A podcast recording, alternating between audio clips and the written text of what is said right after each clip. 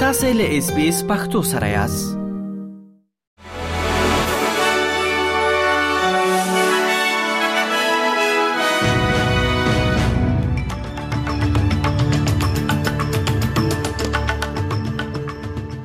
سلامونه ستړي مشي نن دوشنبه د اگست د میاشتې 14 نیټه ده چې د زمری د میاشتې ل 23 نیټې سره برابرېږي او تاسو له اس بي اس پښتو رادیو څخه د نن ورځې لند خبرونه اورئ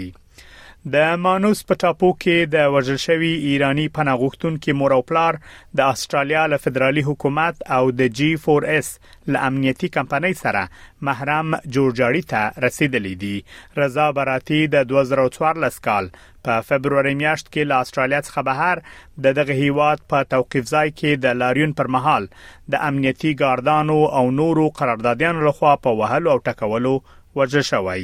د وژل شوی پناغښتونکو کورنۍ دوه کال وړاندې د وکټوريا په ستره محکمه کې داوا په لار اچولې و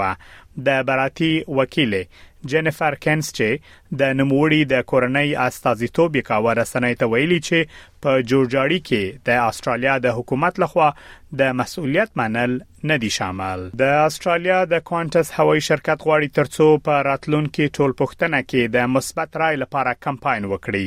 یاد شرکت غواړي ترڅو د یس 23 کمپاین لوګو پر خپل دریو الوتکو ولګوي ټاکل شوی ترڅو په راتلونکو څو میاشتو کې میلیونونه استرالیایان په یو ټول پښتنه کې ګډون وکړي او په اساسي قانون کې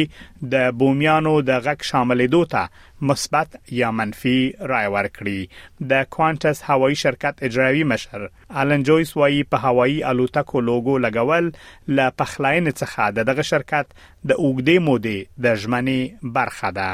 د امریکا په ماوي ټاپو کې د وروستۍ اورلګیدنو له امله د وژل شویو کسانو شمیر 93 ته رسیدلی دی په یاد ټاپو کې اورلګیدنو 850 هکټار ځمکه سوځولې او شاوخوا 2200 جوړښتونه یې لمنځه وړي دي د فدرال حکومت د بیړنیو خدماتو اداره وایي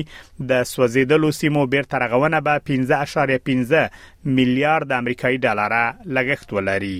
د هوایي ایالت مشر جاش کرین د یوه خبري کنفرانس پر مهال خبر ورکړی چې د وژل شویو کسانو شمیر د لوړېدو په حال کې دی د نیو ساوت ویلز ایالت مشر کریس منز ویلي چې که چیرې د استرالیا د فوټبال خزینه لوبډله پایلوب وګټي نو په یاد ایالت کې به عمومي رخصتي اعلان شي نو موړي ویلي چې د خزینه ملي لوبډلې لبریا څخه به په نیو ساوت ویلز ایالت کې لمانځنه وشي او خزینه لوبغاړو ته به هم فرصت برابر شي تر څو د سیدني له خلکو سره یې په ګډه ولمانځي.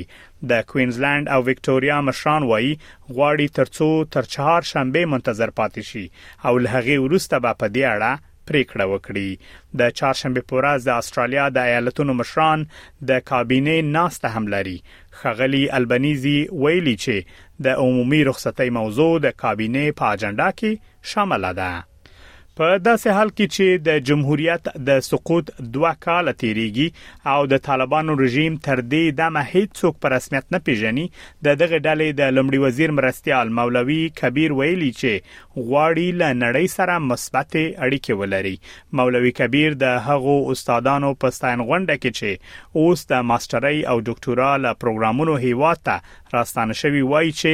دمګړی په 14 هیوادونو کې د دوی سفارتونه فعالیت لري. نوموړی په داسې حال کې د مثبتو اړیکو خبرې کوي چې په افغانستان کې په میلیونونو نجونې د زده کړو او کار حق نه لري او نړیواله ټولنه او یو زیات شمېر هیوادونه